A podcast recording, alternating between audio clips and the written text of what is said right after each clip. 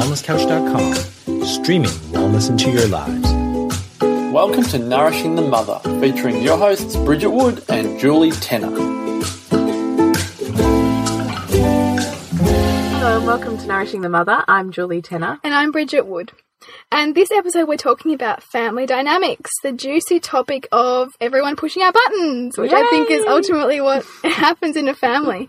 Um, we've talked a little bit about some of our own journeys and challenges, and we thought that this has got to resonate with other mums. I tell you what. Yes, and flows on perfectly from last week's podcast, which was on how emotions run our lives and what the messages really are that they're trying to give us and how we can perhaps work with those to, ah, I don't know, take away some of that charge and that angst and produce some healing and some insight out of it. Yeah, yeah. So, like, really li- working from that, we wanted to look at, I suppose, how perfect a balance is in a family.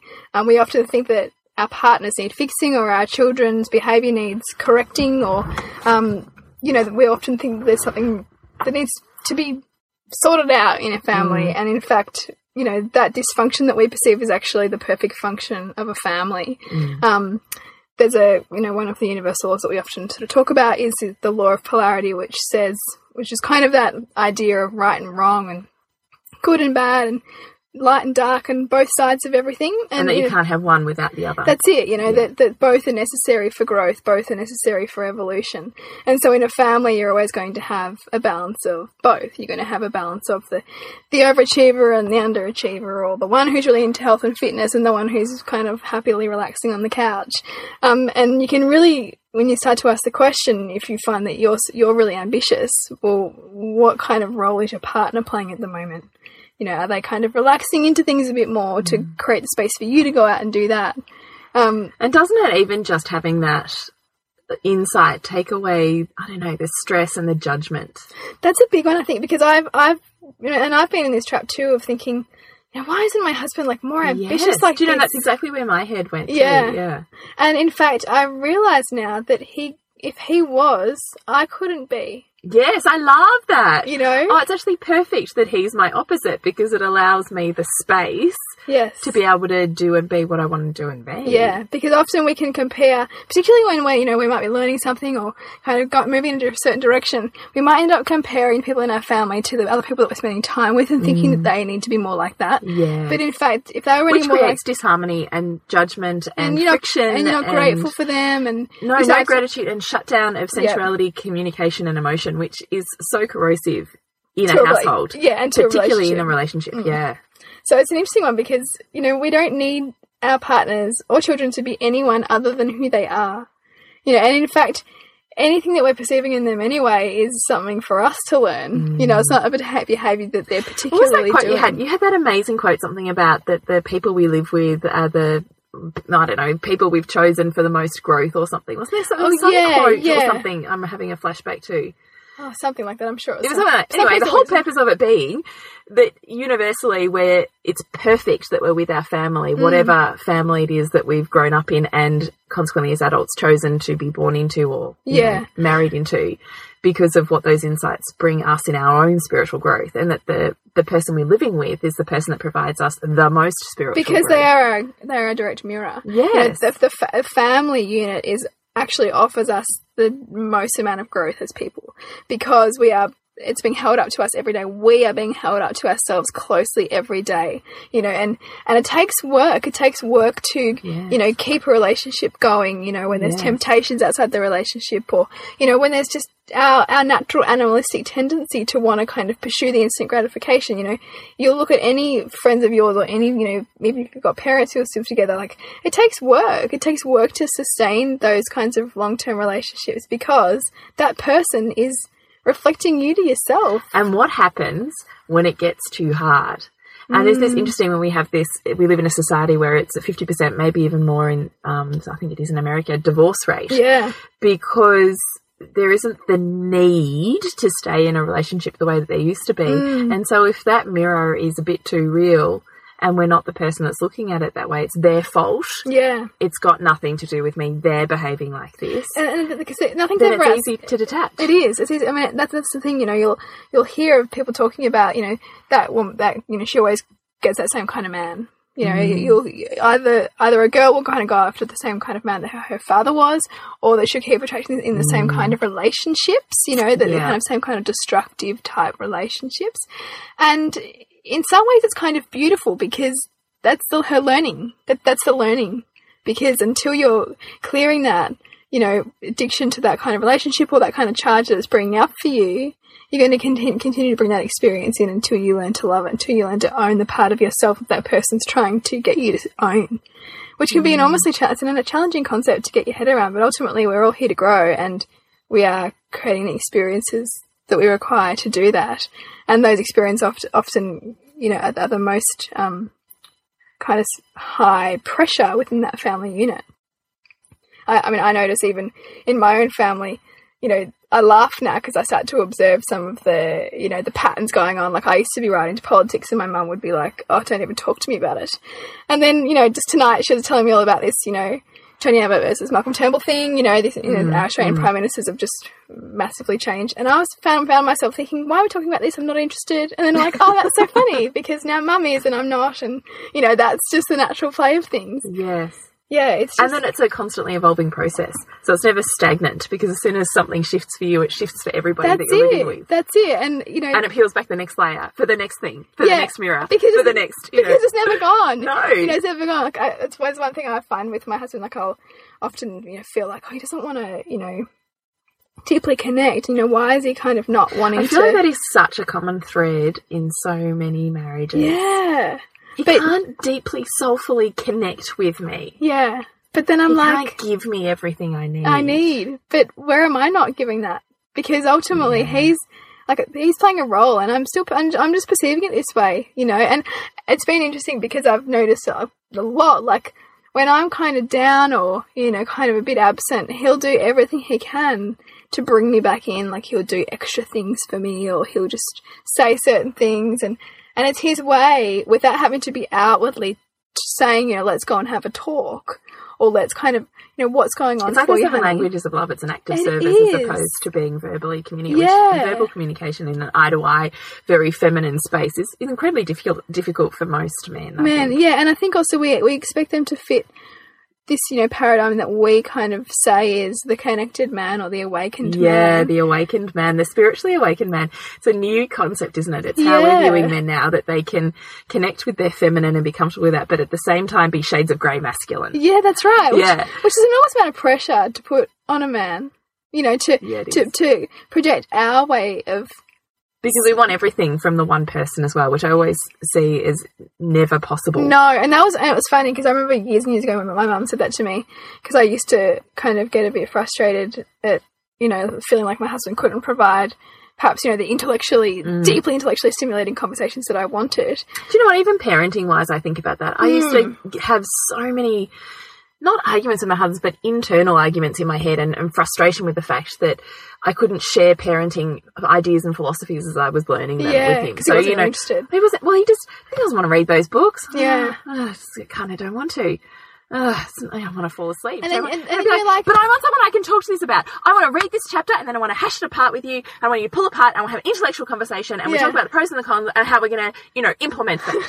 Why won't you do that with me? Yeah, yeah, yeah. I so know that. that, yes, yes, yes, I so know that. It's so funny. Um, and then I, but my mum said something to me. She's like, "You can't expect your partner to be everything to you. You know that Mm-hmm. you need.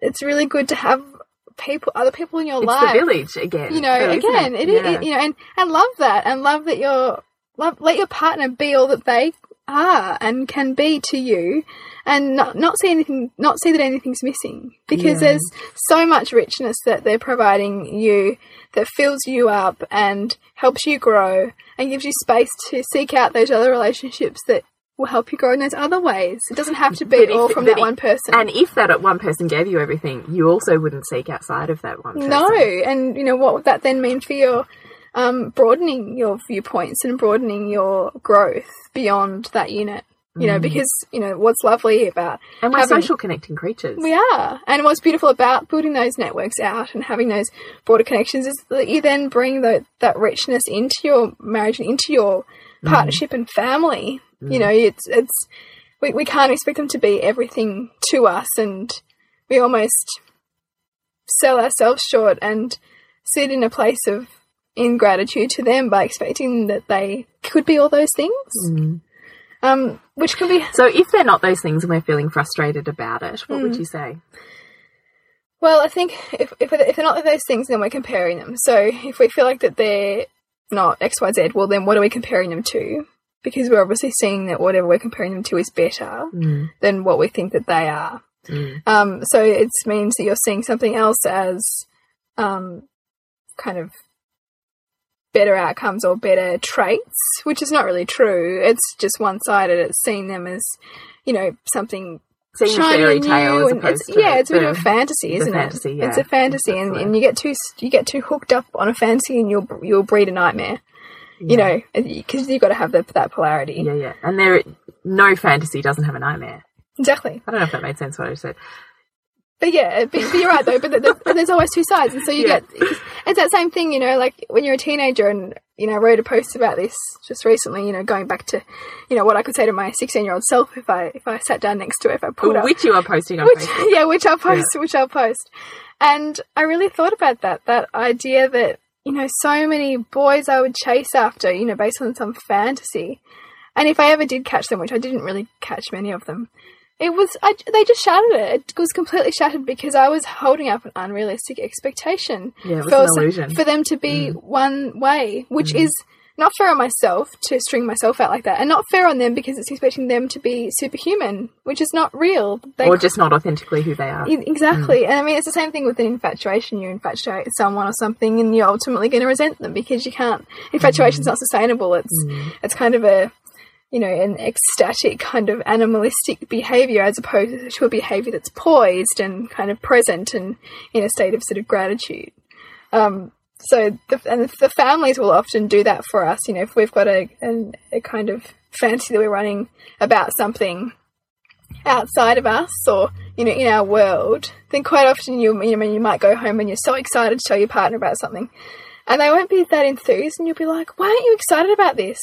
You know, and you get you get really judgmental, like you know that you should value this too. This is important to me, but they're actually bringing you back into balance. Mm. You know, they're actually getting. I love that because I've had this very conversation with you Mm. about even just the dynamic between my husband and myself. That we and him him and I joke about it that I'm the um ah, what's the word the creative looking to future next thing da, da, da, da, da, da, da, you know creating da, da, and he's realistic. I'm like, oh my god, you know this business that I've just done. That's it. It could be amazing. It could go worldwide. And he's like, okay, but how are we going to make basic costs today? yeah, You know? yeah, yeah, yeah, yeah. Don't be such a realist. I want you to just get involved in the fantasy and just please, just leave Just in a let, moment. just let me run Come on, you know. And so optimist, optimist, and realist. We often have this, you know, banter between us that he's such a realist and Yeah. I'm such the optimist that we are literally at either end of the polar scale. And I remember one day saying to you, "Why can't he just, you know, get on that boat and just, you know, get happy with me even just for five minutes?" And you said to me. But don't you think that's kind of perfect? Because how out of balance would you be if you had two of you? Yeah. like, oh my god. Well, the thing is, if you had two of you, you know, the, the, I think I often think sometimes that these are the couples who kind of have no responsibilities. They just travel around the world, like you know, they they kind of live this idyllic, you know, like kind of Peter Pan, perhaps How sustainable is that? Well, though? then that's what I wonder. You know, I don't know, because ultimately, like love and and, the, and long relationships are as a result of you know the perfect blending of complementary opposites. So a crossover of just enough of the key values that are important, but enough different values to help each other become Soul growth. yeah the soul growth you know so you know like i noticed with my with my husband you know he's quite logical and really good at maths and just thinks that way and i don't at all Mm. so he really he helps to me to grow in that area and, and and kind of makes the family work in that way whereas i bring that analytical mind and the, the questioning the ambition the you know kind of constantly wanting to philosophize which he's not so interested in. Mm. And it's just so interesting to see that actually that really serves. I don't need him to be any more like me than i need to be like him. That the mm. two of us are actually perfect in this relationship and in this family for our you know optimum growth. And and I think as soon as we can start to see what each other brings to that relationship and to the family dynamic, we we just we don't ask anything more of our partners than just to be themselves, which is all we should really ever ask of them. And that the opposites are perfect as opposed to being, um, I don't know, challenging for you in some way that creates angst. yeah, and It's so- actually, there's a perfection in those opposites. Yeah, and I mean, even in, in parenting, because I think parenting can often be something that you know you can disagree on. But if we know, if we accept the notion that in the law of compensation, everything is there's nothing missing, and that there's also both support and challenge in any moment, um, because you need both to grow, then ultimately, in any moment when you've got your children and they're pushing buttons, one of you's going to be more supportive than the other. One of you is going to be more challenging than the other. You know you can't you're both going to be tempering the way that you treat your child based on the other person because there's that conservation happening within that family unit so you know and I, and I even laugh at this because I noticed the other day we're at my parents' place and and you know, and this this whole concept extends beyond you know your immediate family to your more extended family. It, it applies to any kind of unit, whether it's you know a team at work. You know you always have the overperformer and the underperformer. Um, it, it applies in communities. You know you'll always have kind of the the the group that are not in conflict in the group that are more in conflict. You'll have the mm. person to, to rock the boat just to kind of keep the mm. whole group growing. And I mean, even in countries, you know, you'll have the overpowered and the underpowered. And so nothing's nothing's ever missing in in, in any kind of system. There's there's both of those things happening at one time. And that having in inverted commas the negative experiences actually allows the positive to grow, Yeah, essentially, isn't it? So the person that's rocking the boat in that unit is actually providing the impetus or the opportunity for others to band together to create connection or to move forwards in a direction. yeah. And I mean, if you're looking at a, a broader group, like you can't. You, you, there's always both war and peace. Like so, you're either going to be families are either at war within themselves or at war against somebody else. And I mean, mm. war is a strong word, but usually there's either there's either there were unit. There'll it could be harmony between me and my husband, but disharmony between us and the in-laws. Yes, that yes, type of thing. Exactly. So Yeah. you know, if you've got a massive issue with your in-laws, and it kind of, you know, that might be annoying, but it probably also creates a sense of connection with yourself and your partner, almost, or yeah, Them and us. them and us. Yeah. You know, so those things can actually serve. So what's the positive out of that situation Yeah. itself? Yeah. Yeah, What because, are the benefits? because you take away that conflict there, and it creates space for the conflict or the challenge to be to be moved somewhere else Mm. because it's always changing form. So you might so nothing. We often try and strive in our human way to make everything perfect. peaceful. And so if I make peace with, let's say, with my in-laws, that conflict would actually show up somewhere else in my life and will. potentially even in my relationship. Potentially, yeah. Yeah. Because ultimately, at the moment, you and your husband are growing together through helping each other with the tools that you're that you're needing to manage what you see as this conflict outside or these Mm. challenges outside, and that's really give, bringing some richness to your relationship and to your family. And yes, if you've got these challenges, but then you never they're, they're never going to go away. So the more you can, They just shift. they just shift, and so the more you can see them and be grateful for them and see the benefits of them, the less that it'll charge you, and the more you can be see it for what it is. Yeah, the less you know? it runs your story the less Yeah. unless you're kind of yeah perpetuating at it. its mercy. Yeah, it's so interesting. And It's fascinating. I just love this concept. yeah, it's real. And there's some. I mean, there's some lovely. There's a book um, which I think you you're in the middle of reading. Um, it's a woman called Lillian Grace who's an author, and she's written some great books for teenage. It's like teenage fiction mm. around universal laws, and it just explains in such a kind of easy to understand way. And it's something that I have read and thought, gosh, I would have loved to have read this when I was a teenager, just, just, to understand a little bit more about how the world works, mm. because it's not something that we, you know, particularly talk about. And I think it's not even a general consciousness. no, it's You know, not. outside of the secret or the law of attraction. Yeah. There's nothing further.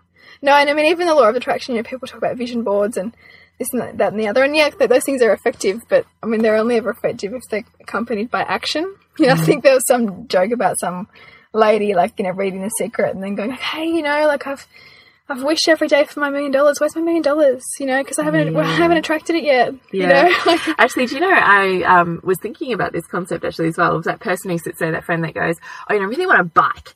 So I have just been affirming bike, bike coming to me. I'm so grateful for my bike. I have my bike now and I'm so happy riding my bike and I'm so grateful, you know, all of that Yeah, in the yeah. moment present gratitude. yeah, And I was sitting there going, uh, okay, what are you actually doing about getting the bike? what steps have you actually what steps taken? have you actually taken? Because, you know, God or the universe didn't just hand Noah an ark and say, Here you go, my friend. He gave him the resources Yes. for him to do it himself. and I kind of thought, Oh my goodness, I Hmm. get that as a concept. Remove all your feelings about God and those biblical stories. yeah. Just the basic concept of the universe hands you the resources Yes. for you to create the magic. Hmm. He doesn't, the universe, he, she, the universe doesn't just go, boom, here you go. You wished hard enough. yeah. It's a little bit bigger than that. And that's when these universal concepts, I even love that idea of the thing that you want is totally possible and able to be created in a moment, but not without the steps, the actioning, the ah, using the resources Mm. that are inherently yours. And the, the, it's that deep focus and intention too, you know, and bringing that congruency Yeah. to yourself because, you know, we're so often, we can get distracted and sort of feel a little bit, you know, jarred with what we're doing. And that's, that's that incongruency coming up. So it's getting that clarity. So to extend that idea of complementary opposites further, there's also the way that we're socialized typically as men and women to concentrate our attention on different areas of life. So there's seven different areas of life. So there's the spiritual, mental, vocational, physical, financial, family, and spiritual. And as men, they seem to be socialized more to focus on empowering their mental, vocational, and financial areas of life. And women tend to be socialized more and, I guess, biologically directed more to focus on nurturing. So that's family, um, their social lives, and physical. And so what happens is that each other sort of tends to concentrate on their kind of areas, and as a unit, that there's that general whole empowerment as a as a kind of yeah, family unit, I suppose. And the more empowered that the family is in all of those areas, so each so each As person the more balanced all of those areas yeah, the are more in, balanced A, in a family dynamic. Yeah, because you know some families the the the partner will never even have a login to the you know banking, for example, um, or the other family member will have no interest at all in organising social events. Ideally, you know, the more kind of empowered each person is in all of those areas, so that at least at least have an understanding of them, the less extreme those polarities are. So the less mm. extreme the kind of the highs and lows are, the less extreme the friction is, because mm. each person has a level of empowerment across all those different areas. So there doesn't need to be that overpowerer versus underpowerer dynamic that can happen. Mm. Um, so then, and then there's less oscillation between the t- between the extremes. Um, What's the purpose in the extremes? well, the purpose in the extremes is ultimately, well, I don't know if- how much purpose there is in them being so extreme, but it's that whole idea of the chaos theory. So if there's, you know, you- you're always going to have order and chaos, and the the further apart you pull those poles, the more chaos is going to be, because ultimately each person's trying to get the other person to own the things that they need to own, and it's controversial to um, understand this, but often in situations of domestic violence, the the victim of that is very very underpowered in finances, very very underpowered in um, kind of vocation. You know, it's a it's a quite a classic dynamic that happens that the overpowerer comes in because there's such a power imbalance there in key areas that help an individual to um, feel strong and you know in strong in themselves. And that's a dynamic that's quite a classic one that's at play. Um, so when we take away the filters and the judgments that we have in our world you can see how that's a balance that's trying to be created. And yes it's it's an extreme and it shows those two opposite Or also in the mirror, trying to get those people to own those qualities. So where those deficits are, you bring in the extreme to force you to, I'm going to say, step up, yeah it is fill those voids. and it's the same as as a in a bullying scenario in And schools it's the lessons with the, the feather, the brick, and the sledgehammer, isn't it? yeah Is if you're not listening to the little lessons along the way, in comes the sledgehammer, the really hard shit, Yeah. to get you to really move forwards on something. That's it. You know, and, and, and it's that same thing going back to that idea of calling in certain experiences until we get to love it, until, until we get to own it ourselves. And it sounds bloody awful, and I'm sure it is bloody awful to be in that. But that's ultimately, that's what that dynamic is playing out. It's it's you know continuing to bring in that challenge to get that on a universal level. So we're taking away, we're stepping out of the emotion and we're stepping into a more universal That's it. perspective of, Yes. of voids and everything imperfect is perfect and there for a reason. And that some of those hard lessons are there because we need them to grow in the to way grow. need to grow. Exactly. Um, yeah, it's just so it's so fascinating to take away our own judgments of what a situation is and to be able to see the um, the function of it. Mm. You know what it what it's there for. Because ultimately, you know, we look to nature all the time. There's perfect symmetry in nature. There's perfect balance in nature. There's nothing that's there as a mistake. You know, I even like watch. You know, you watch David Attenborough, and people are like, "Oh my God, so nature's so cruel," but nature is what helps us all evolve. Nature is a reflection of us. And if we can resist that less and see the perfect function of it, then we can empower our lives. You know, we can live from a place of um, observation and transformation and, you know, being able to see everything as an opportunity for growth and everybody around us as a reflection of us to love ourselves more and to be in more gratitude for who they are. And the bigger our emotional charge is on an area, an aspect of judgment, my husband's lazy, I don't know, my child's self indulgent, hmm. that person is just horrid. Yes. Whatever those judgments are that we're making, the stronger we feel them emotionally, the more growth we have to do in those areas, or the more we need to own that aspect. that that aspect exactly right. And you know, if if you continue, continue to see, say, your husband is lazy or only ever wants to watch sport, or you know, you start to find yourself saying the same thing about them and going into judgment. Well, then that means that you've attached a label to them. And when you're attaching a label to someone or something, then you then you, it's almost like your perceptions are actually continuing to look for behavior that confirms that mm. Judgment that you've made. So you're actually now not even wanting to see anything that's outside of that. You just want to c- consume any other interaction with them that reaffirms that you feel that, that they're that. And so what you need to do is to actually look for the other side and see where they're not that. So mm. where are they not lazy? Because they're but equally both. Mm. You know, because we all are. Mm. Sometimes I'm lazy. Sometimes I'm really not lazy. If we, you you can't not be all things. And so once you can start to see all the times that they act in the opposite way, that then you've then you've labelled them. You, You start you sit in gratitude then. you sit in gratitude and you start to see that they are no more lazy than not lazy. You know, and it allows you and to them being the way they are serves you. yeah. And how does it serve you? how does it serve you? Yeah. You know, like I, you said, um, Both the hard stuff and the good stuff. So the good stuff serves me in these ways, and it's all really positive and la da. Yeah. But by them being like this, it forces you to be like this. yeah. And there's the gift. And the stuff that, you know, you get really charged on, like I used to get really charged on my husband watching sport all the time, being really interested in that. And, you know, you start to ask, what's the benefit? What's the mm-hmm. benefit of him being interested in sport? And once I started at about 20, I was like, oh my God, I love that he likes to watch sport.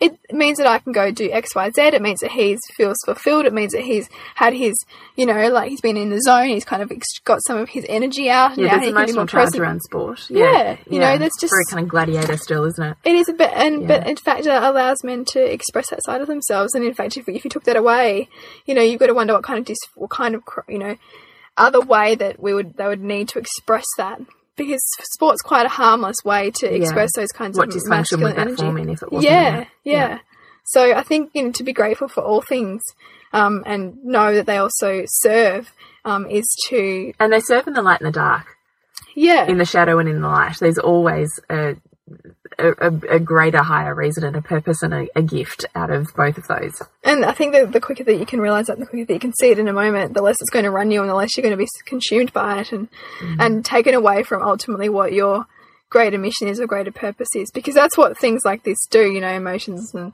you know these distractions and these kind of ruminations on the way everything around us needs to be fixed, the way our family needs to change, take us away from loving them for who they are, mm. and also achieving what it is that we are here to pursue and achieve. You know, mm. because if you take away a lot of those conflicts and get present with yourself, you're also able to self actualize who you are and who you're here to be a lot quicker than, than needing to get caught up in all of that.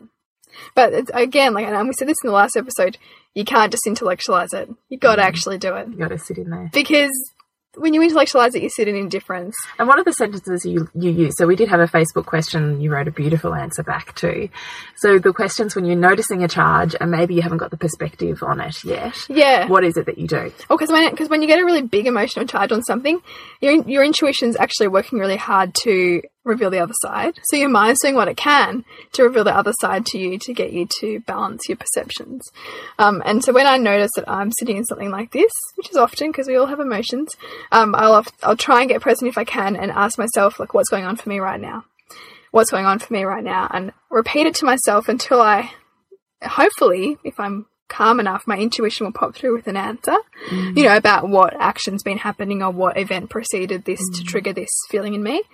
Yeah. Um, and even if that question's too hard, focusing on the feeling. So, okay, what is this emotion? Just mm, name what it is. Mm. Is it anger? Is it jealousy? Is it, you know, whatever? Yeah. And where am I feeling it in my body? Just bringing consciousness to where that tightness, that yeah. tingling, that, I don't know, whatever sensation it is that you're feeling, noticing the sensation mm. that it's there and where is it often is the first layer to peel back before you can even get to the why is this here? Yes. Yeah. And, and, what's going on for me right now? What was I just doing or the thought process I was just mm. having or the visual that my child or my family or this person's just displayed for me that's triggered something. Yeah. Before you can get there, sometimes you've actually got to tune into your body to be able to sit mm. there. And the tuning in is the noticing, the grounding, the feeling. Taking your head out of it and zoning mm. in. Yeah, all really powerful things to do and I, I practice. It's a practice because we're not really. I, I certainly wasn't, you know, cultured into listening no, to our not. bodies like that. You know, and it's definitely a practice, and you get better at it the more mm, you do mm, it. It's, it's exactly. You get right. quicker at it. Quicker at it, and yeah, definitely we're able to see what is coming up. And you know, our physiology is always talking to us. Our body is beautiful for giving us feedback.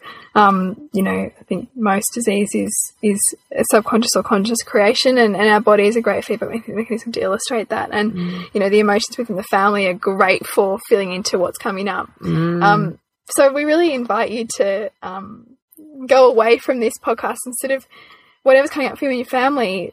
Perhaps ask yourself the question, you know, what's the benefit? um, of them displaying this to me. Um, where do they do the opposite?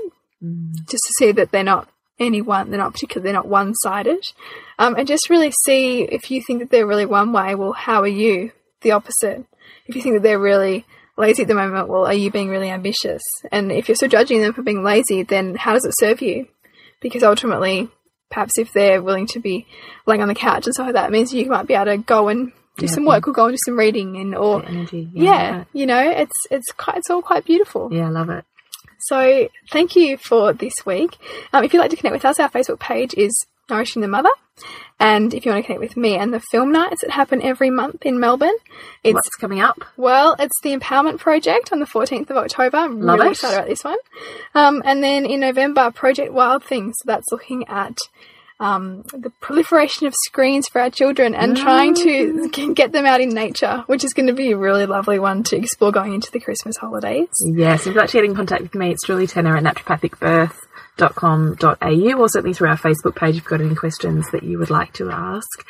And we do have our retreat coming up on the 8th of November, which we would love you to come along for. It's a whole immersive of peeling back your layers, moving into what your value systems are, where your emotions are lying, how they serve you, and how to move through them, which is what our last two podcasts have been. And you can connect with that through our Facebook page. And we'll see you next week when we continue to peel back the layers on the mothering journey. This has been a production of TheWellnessCouch.com. Check us out on Facebook and join in the conversation on Facebook.com forward slash The Wellness Couch. Subscribe to each show on iTunes and check us out on Twitter. The Wellness Couch, streaming wellness into your lives. Whilst the Wellness Couch presenter endeavor to provide accurate and helpful information to their listeners, these podcasts cannot take into account individual circumstances and are not intended to be a substitute for health and medical advice from a qualified health professional. You should always seek the advice of a qualified health professional before acting on any of the information provided by any of the Wellness Couch podcasts.